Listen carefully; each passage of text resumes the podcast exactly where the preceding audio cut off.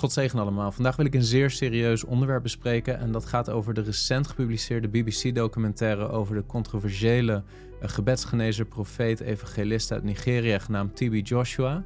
En ik wil ook stilstaan bij niet alleen het nieuws en uh, dat wat er gepubliceerd is en ook wel bewezen is door BBC door middel van vele getuigen die naar buiten zijn gekomen met betrekking tot deze bediening, maar ook over wat opvallende Nederlandse reacties, waaronder die van uh, Willem Ouweneel. Ik wil daar graag bij stilstaan, daarover nadenken samen en ook mijn visie geven op deze zaak.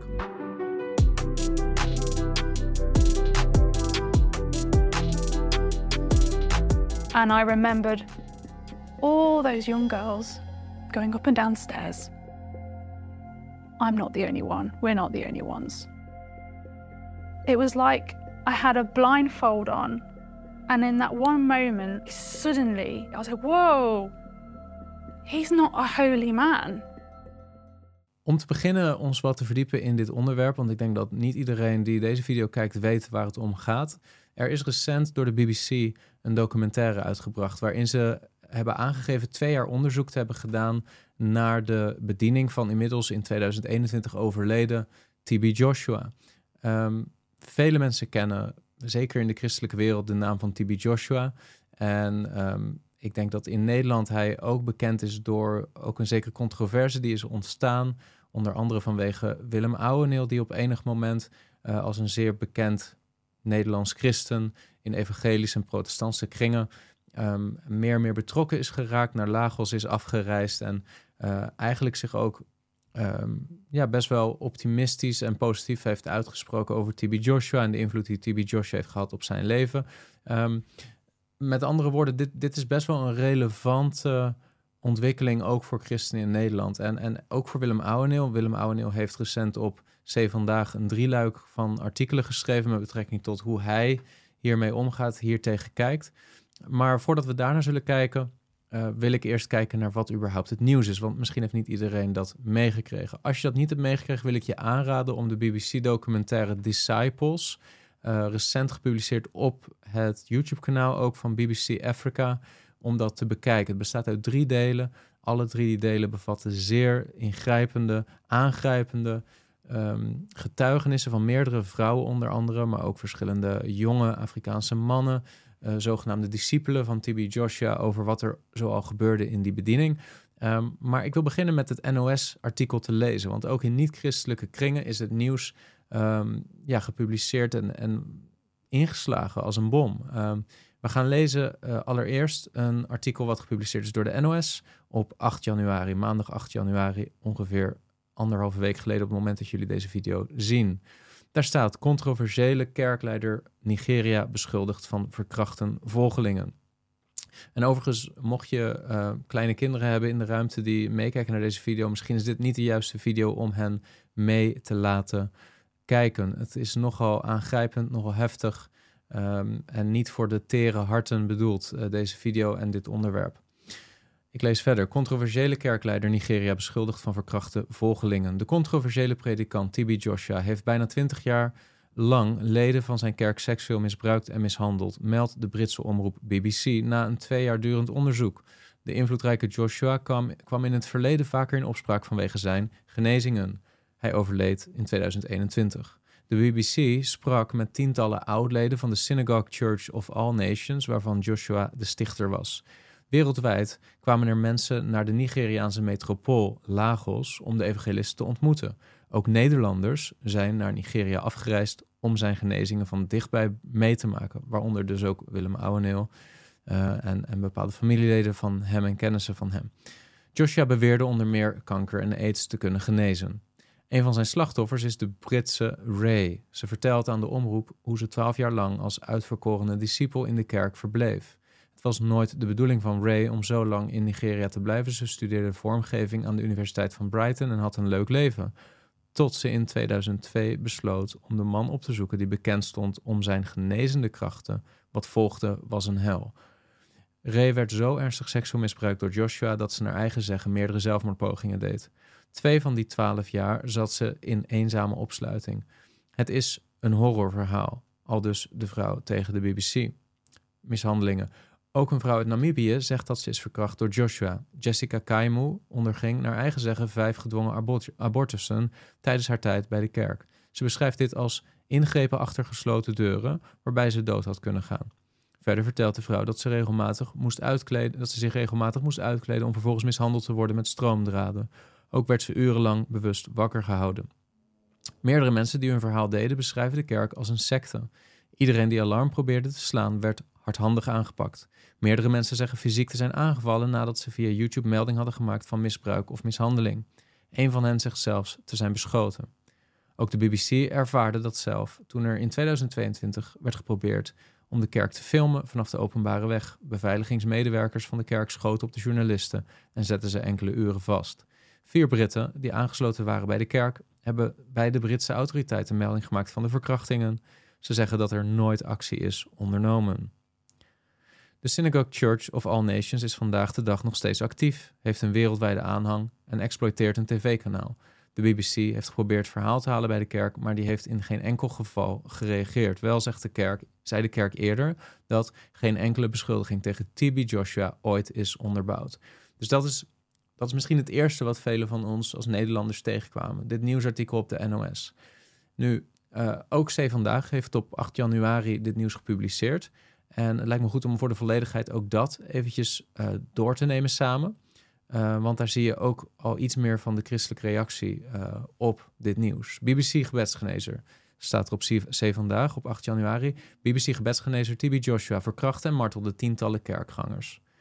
De prominente evangelist TB Joshua uit Nigeria, overleden in 2021, heeft tientallen kerkgangers misbruikt en mishandeld. De BBC heeft bewijsmateriaal in handen. De slachtoffers waren lid van de Synagogue Church of All Nations, afgekort SCOAN. Deze Nigeriaanse gemeente begon met een handvol gelovigen en groeide uit tot een megakerk met wekelijks meer dan 50.000 bezoekers. Het is even goed om dat op je te laten inwerken, meer dan 50.000 bezoekers. De kerk gaat niet inhoudelijk op de beschuldigingen in en noemt ze ongegrond. Wie is TB Joshua? Als populaire prediker verwierf Joshua in de jaren 90 internationale bekendheid. Joshua zelf, op de website van Skoan aangeduid als profeet, zei uitsluitend in naam van Jezus diens opdracht om het evangelie te verkondigen en demonen uit te werpen en zieken te genezen uit te voeren. Vanuit de hele wereld kwamen zieken en nieuwsgierigen naar hem toe. Skoan wordt omschreven als de grootste toeristische attractie van Nigeria en de meest bezochte bestemming voor religieuze toeristen in West-Afrika. Door zijn kerk en aanhangers werd hij een man gods genoemd. Met name in Afrika en Latijns-Amerika was Joshua immens populair. Via Facebook werd hij door 3,5 miljoen mensen gevolgd. En Emmanuel TV bereikte via YouTube meer dan 1 miljoen gebruikers. Meer dan 15.000 mensen bezochten de wekelijkse kerkdiensten in Joshua's megakerk. In 2011 werd hij door Forbes ingeschat als de op twee na rijkste predikant van Nigeria. Met een vermogen van tussen de 10 en 15 miljoen dollar. Wat door Skoan altijd is ontkend. Wat houden de beschuldigingen in? De BBC deed twee jaar lang uitvoerig onderzoek naar, tien, naar aanleiding van de beschuldigingen en is in het bezit van tientallen ooggetuigenverslagen van fysiek geweld of marteling uitgevoerd door Joshua. Er zou ook sprake zijn van kindermisbruik, slachtoffers werden gegezeld en geketend. Tientallen vrouwen beweren dat ze jarenlang stelselmatig zijn verkracht op de compound van de gebedsgenezer. De BBC spreekt van meerdere beschuldigingen van gedwongen abortussen binnen Joshua's kerk na vermeende verkrachting door de prediker. Een van de slachtoffers zou vijf abortus hebben moeten doorstaan. Verder blijkt uit meerdere klachten dat Joshua zijn wondergenezingen zou hebben vervalst. Voordat ik verder lees. Dit is wel even goed om op je in te laten werken. Dit is niet een beschuldiging van één persoon. Dit is niet de beschuldiging van één iemand die verbitterd is geraakt omdat hij teleur is gesteld is geraakt, bijvoorbeeld in de bediening van TB Joshua. dit gaat om een onderzoek wat de BBC heeft gedaan over een periode van twee jaar. Het gaat om tientallen ooggetuigen verslagen. Het gaat om tientallen vrouwen die jarenlang stelselmatig verkracht beweren te zijn door TB Joshua. Onafhankelijk van elkaar. Dat getuigenis hebben afgelegd. En als je de documentaire van de BBC zelf bekijkt, en nogmaals, ik wil je aanmoedigen om dat te doen, uh, want dan krijg je echt een wat beter beeld van waar het hier om gaat, dan hoor je ook verschillende van deze vrouwen aan het woord. Er komen zeker vier vrouwen aan het woord een groot deel daarvan uit Groot-Brittannië afkomstig. Ook uh, één of twee vrouwen uit Afrika. Die aangeven hoe zij jarenlang trouw binnen die beweging, binnen Skoan uh, TB Joshua hebben gezien als een man van God, als een profeet en hem hebben gediend en hun hele leven hebben geïnvesteerd om daar te wonen en daar als het ware mee te bouwen aan die bediening, die ook beschrijven hoe deze TB Joshua in dat gebouw waar ze woonde, waar hij ergens boven op een hogere verdieping woonde, terwijl zijn vrouw niet bij hem woonde, hij is getrouwd, hij, heeft, hij had een vrouw tot hij overleed in 2021, had hij gewoon een vrouw. Die vrouw heeft ook de leiding over de kerk overgenomen na zijn overlijden. Maar Tibi Joshua had een vrouw, maar woonde niet uh, voortdurend bij zijn vrouw. Woonde in dat gebouw met die discipelen, mensen die daar ook gewoon woonden met hem. En verschillende van die vrouwen verklaren hoe zij midden in de nacht opgeroepen werden door Tibi Joshua om naar zijn kamer te gaan en daar vervolgens verkracht werden. Keer op keer op keer, onafhankelijk van elkaar. And I said, to one female disciple, from a human point of view, the relationship I have with Daddy is wrong. And she immediately bent forward and buried her head in her hands and said, I know what you're talking about. Does it to me too. And I was, oh goodness. En dat dat dingen waren die meerdere keren per week gebeurden. Uh, dat zijn dingen die verschillende van die vrouwen hebben beschreven. Over een periode van niet één week of twee weken, maar over jaren. We hebben het over jaren. Oké? Ik lees verder. Slachtoffers aan het woord. Een van de slachtoffers is een Britse vrouw, Ray genaamd. Zij kwam ook in het NOS-artikel al naar voren. Op 21-jarige leeftijd beëindigde ze haar studie en werd ze door de Nigeriaanse kerk gerecruiteerd. Twaalf jaar lang behoorde ze tot Joshua's zogenaamde discipelen in zijn doolhofachtige complex in Lagos. Dat is dat gebouw waar ik het over had. We dachten dat we ons op een hemelse plaats bevonden, maar in plaats daarvan waren we in de hel. Er gebeurden vreselijke dingen, vertelt ze in gesprek met de BBC. De vrouw is naar eigen zeggen seksueel misbruikt door de profeet en leefde twee jaar lang in eenzame opsluiting. Het misbruik was zo ernstig dat ze meerdere zelfmoordpogingen ondernam. Zo'n 150 mensen behoorden tot de groep discipelen van Joshua. Sommigen maakten er decennia lang onderdeel van. De BBC sprak met 25 voormalige discipelen uit Groot-Brittannië, Nigeria, de VS, Zuid-Afrika, Ghana, Namibië en Duitsland. Veel slachtoffers waren tiener toen ze zich bij deze groep volgelingen voegden. Jessica Kemu uit Namibië was 17 jaar toen ze voor het eerst door Joshua werd verkracht. De daaropvolgende verkrachtingen resulteerden uiteindelijk in vijf gedwongen abortussen. Ze maakt naar aanleiding van de wijze waarop de abortussen werden uitgevoerd duidelijk dat het een wonder is dat ze deze abortussen heeft overleefd. Andere slachtoffers geven aan dat ze werden uitgekleed en mishandeld met elektriciteitskabels en paardenzwepen. Ook werd hen stelselmatig slaap ontzegd. Ja, als je de documentaire kijkt, dan zie je dat veel van deze discipelen maximaal vier uur slaap per nacht ongeveer kregen, soms maar twee uur slaap. En dat je eigenlijk alleen mocht slapen op het moment dat TB Joshua je toestemming gaf om te slapen. Dus heel veel van deze discipelen, heel veel van deze vrouwen, kwetsbare vrouwen, waren voortdurend slaapgedepriveerd, hadden een slaaptekort en waren daardoor ook psychisch uh, veel kwetsbaarder en veel um, gevoeliger voor suggestie. We lezen verder. Het BBC-onderzoek is uitgevoerd in samenwerking met het internationale mediaplatform Open Democracy. Het is de eerste keer dat voormalig kerkleden van SCOAN zich in het openbaar uitspreken.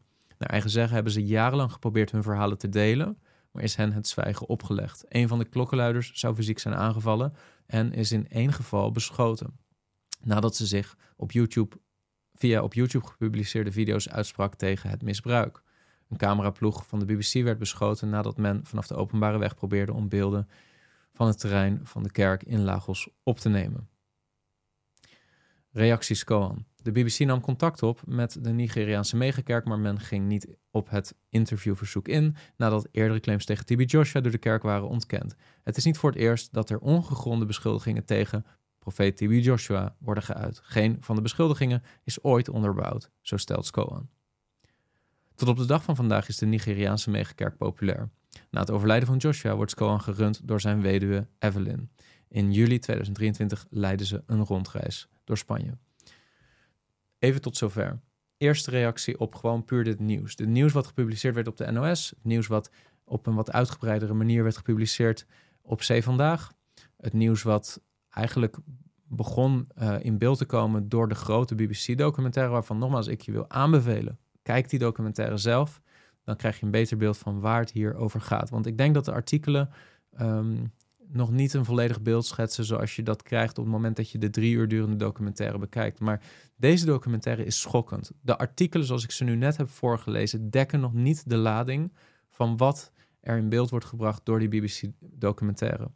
Op enig moment is bijvoorbeeld ook uh, het gebouw, een van de gebouwen van deze kerk ingestort, waar vele mensen bij zijn overleden. En dan zie je ook hoe de reactie van TB Joshua, de, de bijna gevoelloze reactie van TB Joshua daarop wordt beschreven. Anderen beschrijven hoe TB Joshua eigenlijk al vanaf het begin van zijn bediening uh, bezig lijkt te zijn met één doel voor ogen. En dat is om meer invloed te krijgen, meer macht te krijgen, meer mensen te onderwerpen aan zijn gezag. Um, en ja, ook geld te verdienen aan, aan deze bediening. Um, maar los van dat alles, als we puur even stilstaan bij wat hier wordt gezegd, hè, er wordt gereageerd door deze kerk. Tot op de dag van vandaag is geen van deze beschuldigingen ooit onderbouwd. Maar sta er even bij stil. We hebben het hier over niet vier, niet vijf. We hebben het hier over tientallen getuigen. Getuigenverklaringen van mensen die zeggen: wat er daar is gebeurd, is dat Tibi Joshua meerdere vrouwen seksueel heeft misbruikt. Niet een keer. Is niet een keer gevallen in zonde. Het, niet, het gaat hier niet om een soort incident. Nee, het gaat hier om een patroon van gedrag waarbij Tibi Joshua, als het ware, op het ene moment een heilige man van God is, een profeet is, uh, wonderen doet, genezingen doet en ogenschijnlijk een trouw dienstknecht is van onze Heer Jezus Christus. In zoverre dat ook Nederlandse populaire onderwijzers zoals Willem Ouweneel um, overtuigd raakten. Weliswaar met bepaalde twijfels, zoals je ook eh, zult zien als je die artikelen van Willem Ouweneel in zijn reactie zult lezen.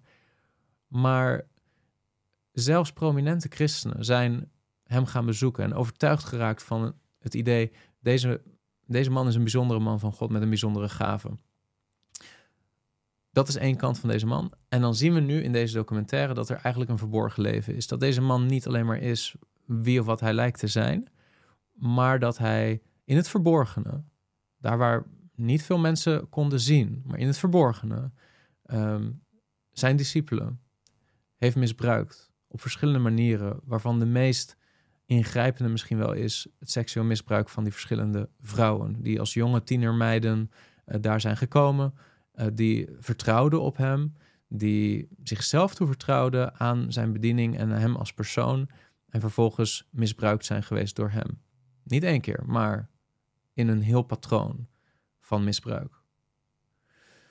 Dat overigens niet eens wetend van elkaar op het moment dat ze erin zaten. Ondanks dat de verschillende van deze vrouwen, van die discipelen, eigenlijk steeds opnieuw seksueel misbruikt werden door TB Joshua, dat ook beschrijven, wisten ze pas veel later van elkaar dat, dat, niet, dat zij niet de enige waren bij wie TB Joshua dat deed.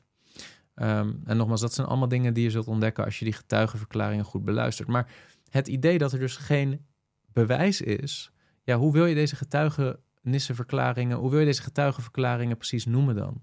Als je naar een rechtszitting gaat en je hebt, zelfs in een oud-testamentische wetgeving, en je hebt twee of drie getuigen, en in dit geval hebben we er veel meer, die allemaal hetzelfde verhaal vertellen. TB Joshua had een verborgen leven. TB Joshua verkrachtte mensen, verkrachtte zijn discipelen, herhaaldelijk, sprake van seksueel misbruik, fysiek misbruik, et cetera, et cetera. Hoe wil je dat noemen?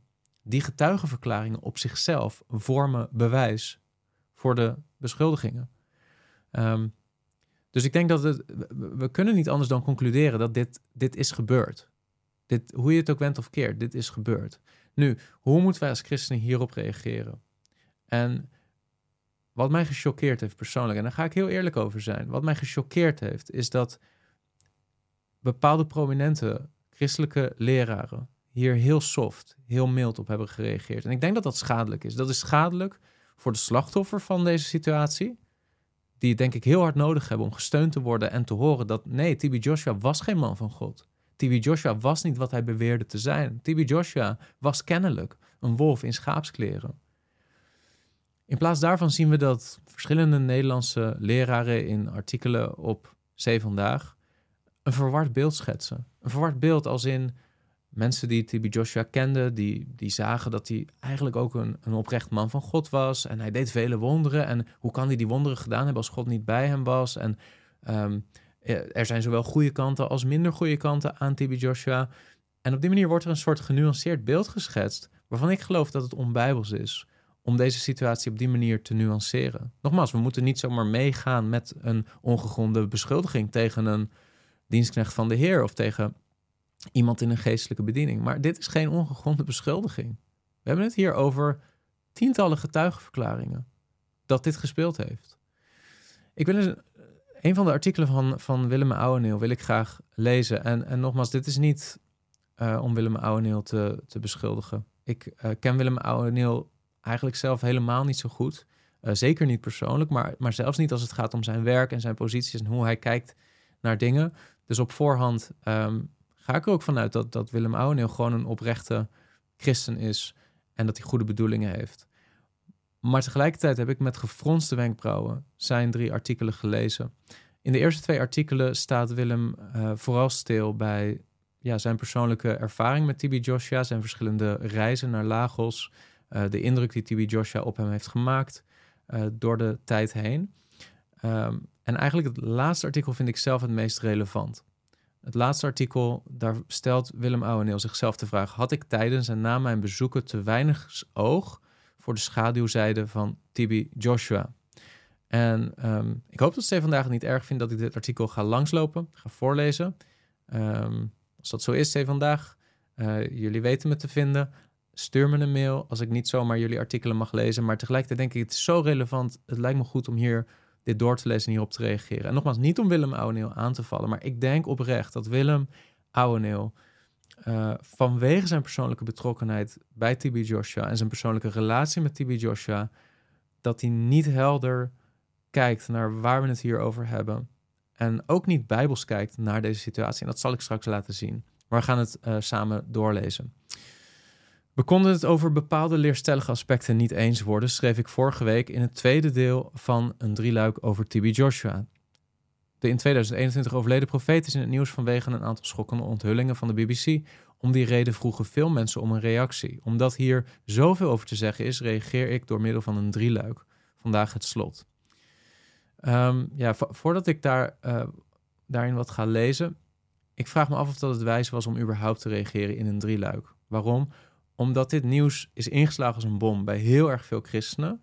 En Willem Ouweneel eigenlijk samen met C vandaag door in een drieluik te reageren in de eerste twee artikelen nog heel weinig stilstaat bij wat hier daadwerkelijk is gezegd in de BBC-documentaire. Het gaat heel erg over Willem zijn eigen ervaringen. Maar met alle respect, Willems ervaringen zijn behoorlijk irrelevant geworden. Als je kijkt naar de ervaringen van die tientallen mensen die aangeven wat hier gespeeld heeft dus het zou denk ik in die zin beter zijn geweest als het derde artikel meteen was gepubliceerd. Uh, want daarin denk ik dat Willem nog het meest reflecteert op ja, wat de impact is van het recente nieuws. Ik lees verder wat, uh, wat Willem Ouweneel schrijft. Het niet verschijnen van mijn aangekondigde boek gaf natuurlijk veel vragen, want het was al wijd en zijd aangekondigd. Overigens, over welk boek gaat dit? Dat beschrijft Willem in een eerder artikel. Uh, Willem Ouweneel heeft een boek geschreven wat gaat over ziekengenezing. Daar was hij mee bezig, daar heeft hij ook aan gewerkt in Lagos in Nigeria toen hij in de kerk verbleef uh, van TB Joshua. Um, en ik, ik denk dat Willem ook zou beamen, en dat schemert ook door door de artikelen, dat Willem dat boek ook schreef onder invloed van de, de vele indrukwekkende ervaringen die hij zelf had ervaren daar in die groepering, in die um, stroming in die kerk. Um, we lezen verder. De pers wilde weten waarom het niet doorging en daar moest ik toch iets over opbichten. Ook krakkemikkige elementen in de Afrikaanse organisatie van de kerk, de eindeloze beloften die niet werden nagekomen, de strenge omstandigheden waaronder de discipelen in de kerk verbleven, soms vele jaren lang, de harde houding, vooral van de discipelen, naar sommige gasten toe, het streng eenhoofdige autoritaire leiderschap van TBG, waardoor hij veel problemen op de werkvloer niet doorzag, de grenzeloze eerbied van zijn discipelen, tussen haakjes, als er één zijn kamer binnenkwam, ging die persoon meteen op de knieën. Maar daar zal ook wel een stukje Afrikaanse cultuur in gezeten hebben. Begon mij steeds meer te storen. Mijn respect voor zijn persoon, leer en bediening bleef echter in zekere mate overeind, omdat hij, zoals ik zelf kon vaststellen, het zuivere evangelie van Christus verkondigde, en personen die onder zijn bediening waren geweest, dichter bij Jezus waren gebracht, zoals ik zelf. Eh, ik sta heel even stil voordat ik verder lees. Hier staat iets heel opvallends.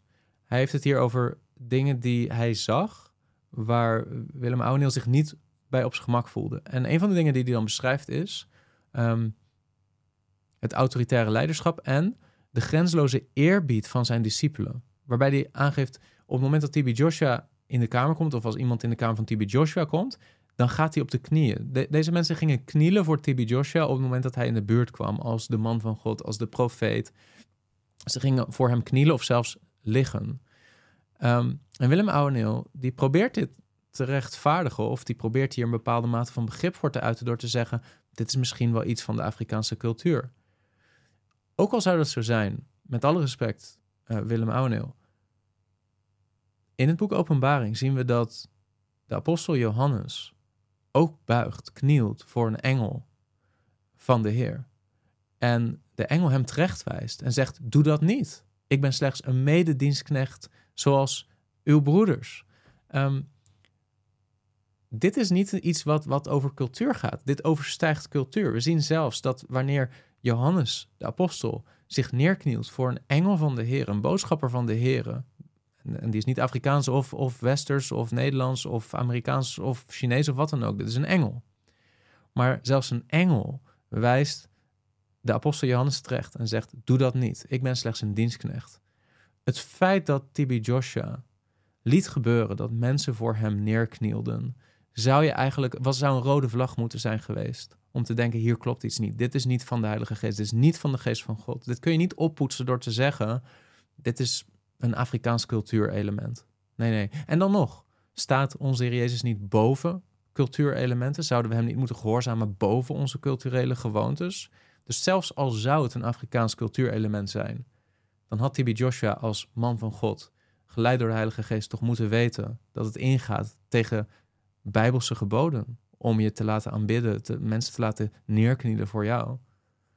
Of moeten we dit zien als iets anders dan aanbidding? En, en hebben misschien Rooms-Katholieken gelijk dat er twee soorten van aanbidding zijn, namelijk uh, veneration, wat niet ware aanbidding is, hè, wat ze doen bij Maria, wat ze doen bij beelden en bij iconen. En dat ware aanbidding alleen voor God bedoeld is. Dus dat dit alleen een soort veneration is van TB Joshua. Ik denk dat de reformatoren daar niet in mee zijn gegaan terecht. Ik denk dat er geen onderscheid te maken is. We lezen verder. Op dat moment had ik al helemaal geen contact meer met Lagos en had ook geen plannen er nog eens heen te gaan. Sterker nog, de gang van zaken rond het boek stond als een berg tussen mij en TB Joshua in. Althans, zo voelde ik het. En ik dacht of vreesde dat ik de Synagogue Church nooit meer zou terugzien. Des te verraster was ik dat TB Joshua mij indringend mij dringend uitnodigde zijn 41ste verjaardag op 12 juni 2004 te komen bijwonen. Ik heb die uitnodiging graag aanvaard omdat ik er op zijn minst van hoopte dat onze verhouding genormaliseerd zou worden. Zo bracht ik van 11 tot 18 juni mijn zevende en laatste bezoek aan Lagos. Er bleken vanwege de verjaardag meer dan 100 buitenlandse bezoekers te zijn, onder wie onze eigen Nederlandse groep, 25 personen, en verder 60 Zuid-Afrikanen, plus nog wat Britten, Nieuw-Zeelanders, Amerikanen en verschillende bezoekers uit Afrikaanse landen, onder wie de gemalin van de Zulu-koning uit Zuid-Afrika. Onder de bezoekers waren wel zo'n 30 voorgangers uit allerlei landen, met wie we op een doordeweekse avond de Prayer Mountain, de zogenaamde gebedsberg, die geen letterlijke berg is, van Tibi Joshua bezochten. We hebben daar samen, maar wel ieder voor zich, intens gebeden in enkele van de nieuwe hutten en op Mercyland, een wit strandje in de jungle aan het water onder de blote sterrenhemel. Hoe pessimistisch ik ook nog altijd was, ik kreeg er rechtstreeks uit de hemel geweldige bemoedigingen van de Heer voor mijn gemeente en voor mijn bediening. Ook bad ik voor Tibi Joshua met het oog op de grote twijfels die omtrent hem in mijn ziel waren opgekomen. Ik kon daar moeilijk met andere voorgangers over spreken. Allemaal leken zij uitsluitend positief over hem en zijn bediening te denken. Een van de meest opmerkelijke genezingen tijdens dat bezoek betrof een vrouw die hoogzwanger was, maar wier kind in verkeerde positie lag. Tijdens de samenkomst kreeg de vrouw persweeën en gilde het uit. Tibi Joshua stelde haar gerust. Je kind is aan het draaien en nu kun je je babyboy ter wereld brengen. Wat ze ook prompt deed. Daar kwam de baby ineens van onder haar rokken vandaan. Ik stond op twee meter afstand. Zonder enige geboortemoeite rolde het jochie via haar handen op de stenen vloer en de placenta kwam er meteen achteraan. De minstens 6000 koppige menigte begon te juichen over zo'n groot wonder. Een kind dat zich al in het geboortekanaal bevindt en dan toch nog draait en dan prompt tevoorschijn komt. Moeder en kind werden snel afgevoerd, maar later kwam de gelukkige moeder met het gezonde babytje de kerk binnen, waar alle bezoekers gelegenheid kregen haar te feliciteren. Tijdens mijn eigen deelnemen aan de genezingsbediening op die zondag en vooral op de woensdag daarna ervoer ik dat Gods kracht niet van mij geweken was. Verschillende personen voor wie ik bad manifesteerden heftig. In één blanke bezoeker met wie ik in de week fijn contact had gehad, bleken heftig protesterende demonen te nestelen die ik mocht uitdrijven. Toen Tibi Joshua bij hem kwam, bleek de man al helemaal vrij te zijn. Bij het eindgesprek hebben we over het boek met geen woord gesproken. En ik had er ook een week voor nodig gehad om van de Heer te accepteren dat ik er zelf evenmin over moest beginnen. Over kracht gesproken. Ik weet niet meer tijdens welk bezoek het was, maar Tibi Joshua verzocht mij met hem mee te lopen dwars door de kerk heen, waar 12.000 mensen tijdens zo'n dienst zaten, terwijl hij achtereenvolgens de zieke bediende, begeleid door een cameraman, zodat de hele menigte precies kon zien wat er gebeurde. Plotseling stonden we voor een man tegen wie Tibi Joshua zei: U bent hier alleen maar gekomen om het werk van de Heer te bekritiseren en tegen te werken. Maar waar is uw kracht? De eerste de beste christen in deze zaal heeft meer kracht dan u. Toen zei hij tegen een andere man die daar vlakbij stond: Gebied hem in de naam van Jezus. De man strekte zijn hand uit naar de eerstgenoemde man en riep uit: In de naam van Jezus. Daarop, echt waar, ik stond er met de neus bovenop, werd de kritische man opgenomen en drie meter verder neergeworpen. Daar lag hij, beschaamd op de grond, terwijl de hele menigte juichte. Nu kun je je allerlei dingen afvragen en dat deed ik zelf ook. Moet dat nu zo? Moet je op die manier in het openbaar een man ontmaskeren en beschaamd maken? Moet de kracht van God niet uitsluitend positief aangewend worden? Dat zijn lastige vragen. Maar misschien was het wel degelijk positief bedoeld. De menigte ervoer de kracht van God. En de man zelf is er hopelijk door tot nadenken gebracht. Maar wat veel belangrijker is, hoe kun je nu zeggen dat hier puur menselijke kracht in het spel was? Welke illusionist kan een man op zichtbare wijze opnemen en drie meter ver weggooien zonder beschadiging? En hoe kun je zeggen dat het hier om satanische kracht ging, terwijl het uitdrukkelijk in de naam van Jezus gebeurde? In zulke gevallen zeg ik liever dat ik zulke dingen niet goed begrijp, dan ze onmiddellijk in te delen bij de afdeling puur menselijk of puur satanische verschijnselen. Ik stop hier heel eventjes. Er is een tekst die ik me meen te herinneren uit Matthäus hoofdstuk 7. Ik zal de tekst erbij uh, pakken om die samen eventjes door te lezen. Maar uh, als je die tekst leest, dan zie je dat de vraag van Ouweneel blijkt heel irrelevant te zijn. Want hoe kan het nou zijn dat dat in de naam van Jezus gebeurt? En hoe kun je dan toch twijfels hebben over of dat, dat wat er gebeurt van God is? Wat zegt Jezus? Zegt niet ieder, Matthäus 7, vers 22, niet ieder die tegen mij zegt, Heere, Heere, zal binnengaan in het koninkrijk der hemelen, maar wie de wil doet van mijn vader die in de hemelen is.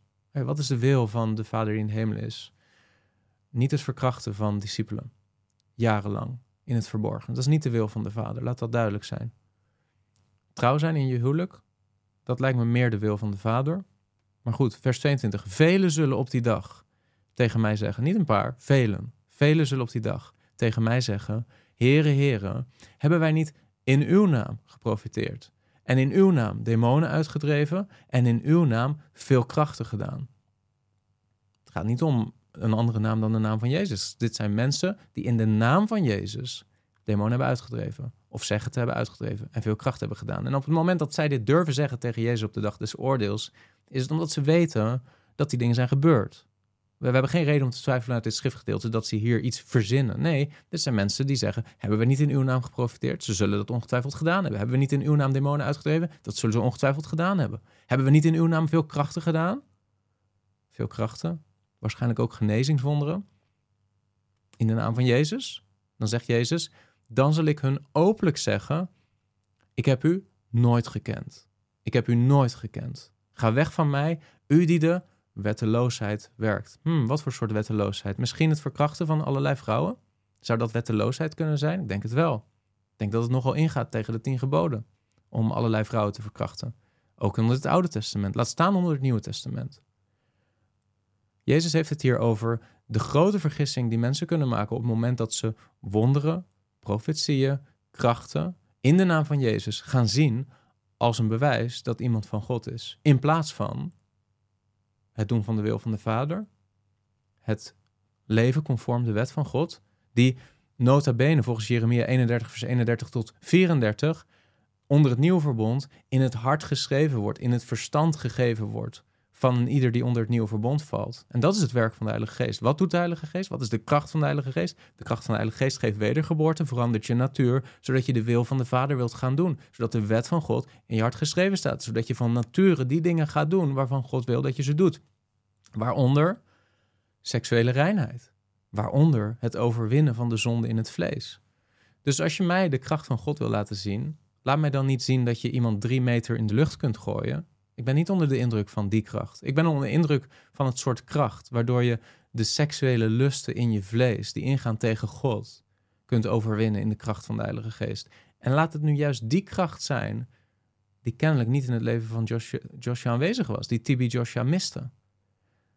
Is het niet opvallend dat zelfs iemand als Willem Ouweneel, die zoveel weet van de Bijbel, onder de indruk raakt van deze vermeende kracht om wonderen te doen? En niet onderkent dat kennelijk Tibi Joshua niet de kracht had die heiligmakend werkt. Niet de kracht had die zonde overwint. En nogmaals, ik heb het niet over iemand die één keer is gevallen in zonde. Ik heb het over iemand van wie meerdere getuigen aangeven dat het gaat om een jarenlang patroon van zonde. Dat kan niet een man van God zijn. Dat is niet een kwestie van het was een ware wedergeboren man van God en hij is door roem en door macht en door vrouwen in verleiding gebracht en gevallen. Jezus zegt expliciet tegen deze groep mensen: Ik heb u nooit gekend. Hij zegt niet: Ik heb u ooit gekend, maar dat was toen het begin van je bediening en toen was je puur en toen had je zuivere motieven en later, toen ben je vercorrumpeerd door vrouwen, door macht, door geld. Dat is niet wat Jezus zegt. Hij zegt: Ik heb u nooit gekend. We gaan verder lezen de reactie van Willem Ouweneel. Ik stond er met mijn neus bovenop toen Tibi Joshua tegen een andere man die in de gebedslijn stond zei: U wilt graag genezen worden, maar dat kan pas gebeuren als u eerst uw zonde beleidt. U bent zo ziek dat u niet lang meer te leven hebt, maar u hebt zoveel zonde op uw geweten. Tibi Joshua noemde een aantal ernstige misdaden op. Dat, als u niet grondig schoon schip maakt, u spoedig zult sterven. Weer een vraag van mijn kant. Is dat het werk van Satan om een mens op te roepen zijn zonde voor God te beleiden? Ja, dat zou je je kunnen afvragen. Tegelijkertijd zijn dat dingen die ook gebeuren in de Rooms-Katholieke Kerk. Zijn dingen die ook gebeuren in de Mormonenkerk. Zijn dingen die ook gebeuren bij Jehovah's getuigen. Dus we kunnen in zekere zin concluderen, overigens ook in de islam. Dus in allerlei stromingen die onderling tegenstrijdig zijn wat betreft hun leer, waar dus leugens zijn, waar dus de Satan zeker een rol zal hebben. In allerlei stromingen worden mensen opgeroepen hun zonde te beleiden voor God, terwijl die leer in dwaalleer verkeert. Die kerk in dwaalleer verkeert. Of dat het nu gaat over mormonisme, Joodse getuigen, de islam. Het zijn allemaal stromingen waarvan Willem Ouweneel zal zeggen... dat zijn stromingen die geleid worden door de Satan, door de duivel. En toch worden in die stromingen mensen opgeroepen om hun zonde te beleiden tot God. Kennelijk kan dat. We lezen verder. Maar er waren ook andere gevallen waarin ik het donkerbruine vermoeden begon te krijgen dat ik bedot werd. Nou, dat is hoopvol. Willem Ouweneel heeft ook momenten gehad dat hij het gevoel begon te krijgen dat hij bedot werd. Want dat werd hij. Zo was er in de gastverblijven een Nederlands sprekende Antilliaanse vrouw die niet bij ons Nederlandse reisgezelschap behoorde. Ze kon of wilde niet vertellen hoe zij in de kerk beland was. Haar terughoudende verhaal maakte mij argwanend. Haar handen waren verkrampt en ze vertelde ons dat zij de vreselijke ziekte ALS had. Toen zij de volgende dag in de gebedslijn stond, was ik er vlakbij toen Tibi Joshua hardop uitsprak: Als Jezus werkelijk wonderkracht heeft, dan zal hij ook deze vrouw vandaag genezen. En inderdaad, toen hij voor haar bad, gingen haar verkrampte handen open en werd zij volkomen genezen verklaard. Maar vanwege haar voorafgaande geheimzinnige verhaal voelde ik de twijfel bij me opkomen. Had Tibi Joshua het werkelijk nodig om zijn reputatie te continueren, af en toe ziekten en genezingen te enseneren?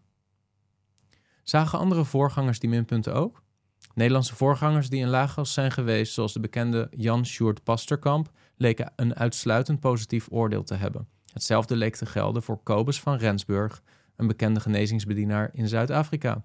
Een van de bekendste charismatische voorgangers in Nieuw-Zeeland was Bill Subritsky, die ik ooit in zijn eigen huis in Auckland heb opgezocht om mijn ervaringen omtrent TB Joshua met hem te delen. Hij had TB Joshua zeer goed leren kennen en hij had ook wel kritiek op hem. Onder andere op het volstrekte eenmanskarakter van TB Joshua, die aan geen mens verantwoording verschuldigd was, maar niet op het geestelijk karakter van diens bediening. Ik heb nooit een voorganger, waar ook ter wereld ontmoet, die en TB Joshua's persoon, leer en bediening grondig had leren kennen en beweerde dat hij een dienaar van Satan was. Ehm, ja, het is goed om te beseffen, even tussendoor, Willem Oudneel geeft aan dat hij die nooit heeft ontmoet. Maar het punt is dat juist de mensen die nog dichter bij TB Joshua stonden, die hem beter kenden dan Willem Ouweneel, en ook die voorgangers, aangeven dat dat wel degelijk de situatie is. Je kunt niet en een dienaar zijn van Jezus Christus en ondertussen stelselmatig jarenlang allemaal vrouwen verkrachten. Dat kan niet. Dat kan niet. En dat moet Willem Ouweneel ook weten en beseffen. Dat moet gezegd worden. Dat kan niet. Dat soort beschuldigingen, ik lees verder, kwamen uitsluitend van mensen die TB Joshua nooit ontmoet hadden. Dat is niet waar. De getuigen uit de BBC-documentaire waren mensen die TB Joshua beter kenden dan Willem Ouweneel. Dat is goed om dat even te beseffen. Lieden die sowieso, vervolgt Willem Ouweneel, lieden die sowieso gekant waren tegen alles wat Pinkster charismatisch was. En het kwam ook van ex-discipelen die hem, overigens begrijpelijkerwijs, de rug toe hadden gekeerd. Schokkend nieuws, helaas. Het was al een hele tijd na mijn zevende en laatste bezoek aan Lagos dat ik contact kreeg met verschillende, tussen haakjes witte, discipelen van Tibi Joshua die ik zelf in Lagos had leren kennen. Zij vertelde mij dat Tibi Joshua seksuele contacten met een heel aantal, zowel zwarte als witte, van zijn vrouwelijke discipelen had gehad. Sommige van die contacten waren zozeer tegen de wil van die disciplinnen geweest dat van regelrechte verkrachting moest worden gesproken. Diezelfde disciplinnen en ook sommige van de mannelijke discipelen vertelden mij van wat zij achteraf als een soort groepsdwang hadden ervaren tijdens de vaak vele jaren die zij in de synagoge hadden doorgebracht. Ik hoor trouwens ook van andere discipelen dat zij zulke verhalen verontwaardigd van de hand wijzen en als lasterlijke leugens bestempelen. Ik weet van één Britse discipel die niets meer te maken met TB Joshua wil hebben, terwijl zijn eigen ouders, die hij ooit zelf in de synagoge geïntroduceerd heeft, nog steeds vurige aanhangers van TB Joshua zijn, ook na diens overlijden op 5 juni 2021. Tussendoor, Willem Ouweneel, met alle respect, maar dat bewijst helemaal niets. Dat bewijst helemaal niets. Bestudeer de sectegeschiedenis van Jim Jones en Jonestown. Er zijn tot op de dag van vandaag mensen die geloven dat Jim Jones een waarachtig man van God was. Terwijl deze man ehm, een valse christelijke beleidenis had, waarschijnlijk een marxistisch communist was, en vele, vele honderden doden op zijn geweten heeft. Jim, Jim Jones en Jonestown. Ik heb hier ook een video over gemaakt. Uh, je kunt het zelf lezen op Wikipedia. En tot op de dag van vandaag zijn er mensen die betrokken zijn geweest bij die groepering destijds en die zeggen: Jim Jones was een man van God, deed dingen die niemand anders kon doen. Hoe kunnen we dit verklaren anders dan te zeggen dat het van God was? Was het van God? Gelooft Willem Ouweneel dat ook Jim Jones misschien een man van God was? Ik denk het niet.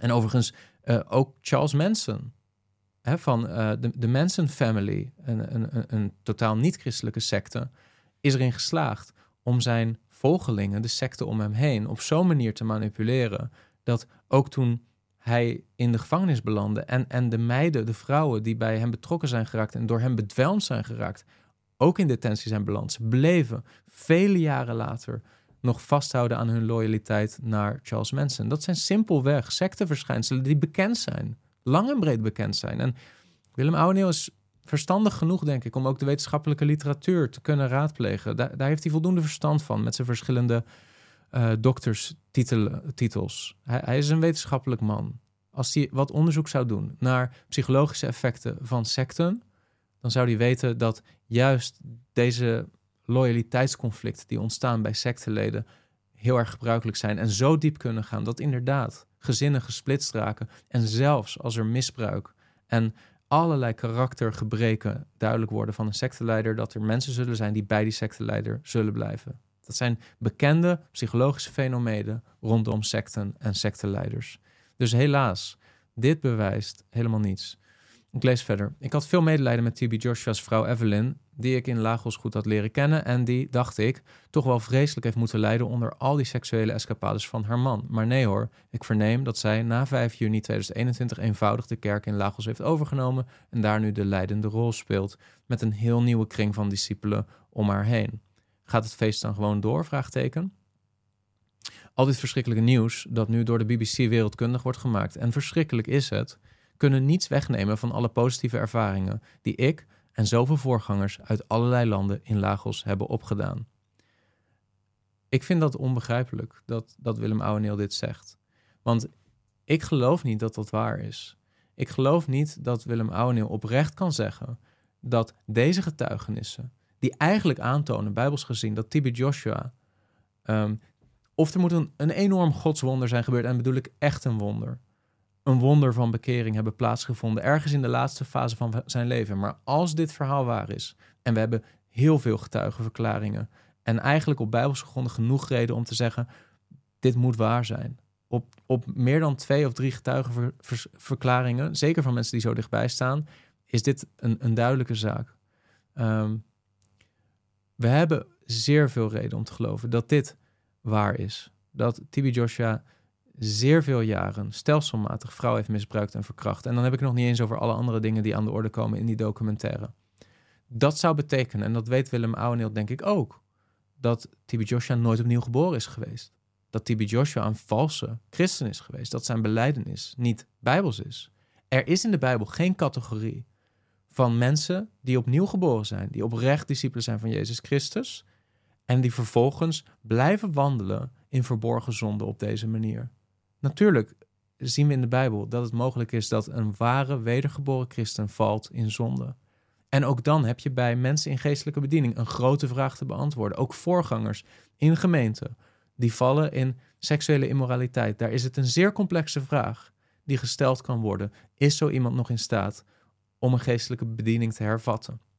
Op basis van de kwalificaties die gegeven worden in de Bijbel, in Titus hoofdstuk 1, in 1 Timotheus hoofdstuk 3, zou je daar zeer ernstige twijfels over kunnen hebben. Zou je kunnen concluderen dat weliswaar iemand christen kan blijven en zich kan bekeren en weer kan toetreden tot de gemeente en het avondmaal, maar dat iemand misschien niet meer geschikt is voor een bepaalde geestelijke bediening. Dat, dat is misschien een vraag voor een andere video. Maar op het moment dat we te maken hebben met deze situatie, hebben we met een andere situatie te maken. We hebben te maken met een stelselmatig verborgen leven tot aan het einde van het leven van TB Joshua toe. Wat wil zeggen, TB Joshua is bijbels gezien, dat kan niet anders, nooit opnieuw geboren geweest. Hij is een valse bekeerling. Hij is iemand die Jezus nooit gekend heeft, die nooit gekend is geweest door Jezus, met wie Jezus geen relatie had. Op het moment dat dat zo is, dan zou dat de ervaringen van Willem Ouweneel in Afrika in een totaal ander daglicht moeten zetten. Dan zou Willem Ouweneel zich moeten afvragen: hoe kan het zijn dat ik misleid ben geraakt door wat hier is gebeurd? En wat moet ik aan kritisch zelfonderzoek doen? En vele christenen met mij om te voorkomen dat dit opnieuw gebeurt in mijn leven. Welke conclusies moet ik trekken? Kennelijk heeft Willem Ouweneel en met hem zeer veel andere christenen. En ik, ik ben geen haar beter. Maar de waarschuwing van Jezus in Matthäus hoofdstuk 7 niet serieus genomen. Hoe toetsen we profeten? Door de vruchten. Het zou niet overtuigend moeten zijn geweest voor het idee dat hij een man van God is. Dat iemand drie meter door de lucht vliegt. Wat juist een rode vlag zou moeten zijn geweest, is dat hij mensen voor hem liet buigen. En niet de nederigheid had die verwacht mag worden van een ware dienstknecht van Jezus Christus. We lezen verder. Vraag me niet hoe ik dit allemaal kan rijmen. Maar dat is precies wat ik je wel wil vragen, Willem. Hoe kan je dit allemaal rijmen? Ik denk dat het je taak is als leraar om te, te proberen te komen tot een consistente visie, een consistente theologie, een consistente ecclesiologie met betrekking tot wat hier gebeurt is. Ik denk dat het belangrijk is dat je probeert dit te rijmen. En dan leest hij verder, behalve deze ene observatie. Billy Graham heeft ooit opgemerkt dat elke voorganger bedreigd wordt door drie gevaren die hem kunnen nekken: macht, geld en vrouwen. Ik houd, er ik houd rekening met de mogelijkheid dat TB Joshua oprecht met de Heer begonnen is, maar door alle drie deze gevaren is overweldigd. Macht, hij was de alleenheerser over 12.000 gemeenteleden en over tientallen discipelen die hem absolute gehoorzaamheid verschuldigd waren. Pauze. Is dat de reden dat hij is gevallen? Of is dat een symptoom van het feit dat er iets mis was? Ik denk het laatste. Ik denk dat het feit dat hij in een situatie is beland dat hij alleenheerser was over 12.000 gemeenteleden eigenlijk al een symptoom was van de ziekte. Dat had nooit mogen gebeuren. Tibi Joshua, als het een man van God was geweest, had vanaf het begin de wijsheid moeten hebben om te zien dat het niet om hem draait. En dat hij met meerdere ouderlingen samen een lokale gemeente kan starten, ja. Maar dat hij als persoon niet zo centraal mag komen te staan. En Willem Ouweneel, met alle respect, maar op het moment dat je daar binnen was gelopen en je zag dat er mensen waren die voor hem buigden, had je eigenlijk als dienstknecht van God meteen Joshua moeten aanspreken en vermanen hierop. Maar misschien kon dat niet, omdat hij zo'n enorm verheven status had en je de indruk had dat je hem daar niet op kon aanspreken. Of je hebt het geprobeerd en je merkte dat hij daar niet ontvankelijk voor was. Maar dat is een symptoom van de ziekte. Niet de oorzaak voor zijn val. Een symptoom van het feit dat hij nooit de Heer gekend heeft. Dus ik ben het niet eens met de analyse van Willem Ouweneel dat hij vercorrumpeerd is geraakt door macht. Dan geld. Tibi Joshua was uiteindelijk naar beweerd wordt de op één na rijkste man van Nigeria. Hoewel hij mij persoonlijk nooit om geld heeft gevraagd. Integendeel, hij heeft bijna al mijn kosten vergoed. Ja, dit, dit is opvallend naïef van Willem Ouweneel. En nogmaals, met alle respect. Maar het gaat eventjes nu niet om Willem Ouweneel. Ik, ik lees dit zo door en ik geef dit, dit kritisch betoog op wat Willem Ouweneel hier schrijft, omdat heel veel christenen op deze manier redeneren. En dit is incorrect. Waarom? Het is bekend dat TB Joshua witte mannen uit, en witte vrouwen uit westerse landen op een andere manier behandelde dan de rest van zijn congregatie, de rest van zijn uh, enorme aantallen bezoekers. En dat deed hij met een bepaalde reden. Dat deed hij met een bepaalde reden. T.B. Joshua was zich heel erg bewust van de publiciteit, van zijn reputatie, van wat het zou doen. Hij behandelde Westerlingen, dat wordt ook beschreven in de documentaire door verschillende getuigen, op een andere manier dan de mensen uit zijn eigen land. Ehm, ik zou Willem Ouweneel de vraag willen stellen. Op het moment dat Willem zegt, persoonlijk heb ik nooit geld aan hem hoeven geven, stel dat dat voor iedereen zou hebben gegolden. Hoe verklaar je dan dat hij zo rijk is geworden? Hoe verklaar je dan dat er zoveel geld in die beweging omging? Ehm, ik geloof absoluut dat Willem Ouweneel nooit geld heeft hoeven geven aan Tibi Joshua. Wat ik niet geloof, is dat dat gold voor iedereen.